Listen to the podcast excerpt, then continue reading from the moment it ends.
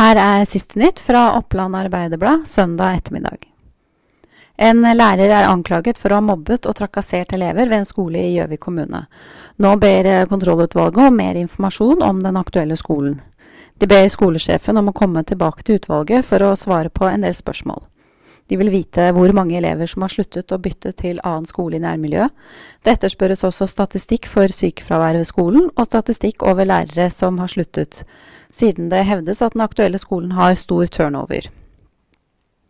Det sies at dette har med mistrivsel å gjøre, sier leder for kontrollutvalget, Roar Løken Lunder. Det har i helga vært mange trafikkulykker. Tre personer ble skadet sent lørdag kveld på Dokka.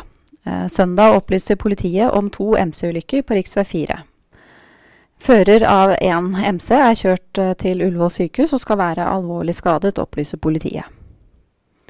Dramatisk var det på Vinjarmoen lørdag, da det brøt ut brann i depot i forbindelse med rallycross-NM.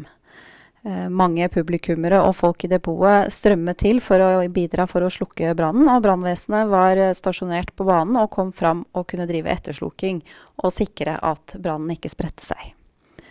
En av de som ble skadet i hendelsen, var Ulf Andresen, som fikk førstegrads forbrenning på Vinjamoen.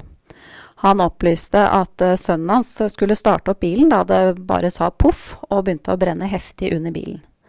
En to måneder gammel baby var også i teltet da brannen startet.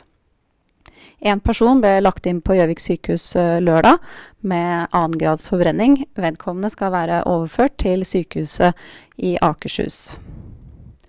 Og nå klokka 18 spiller Røyfoss fotball mot Ålesund. Kampen kan dere få med dere via vår radiostream.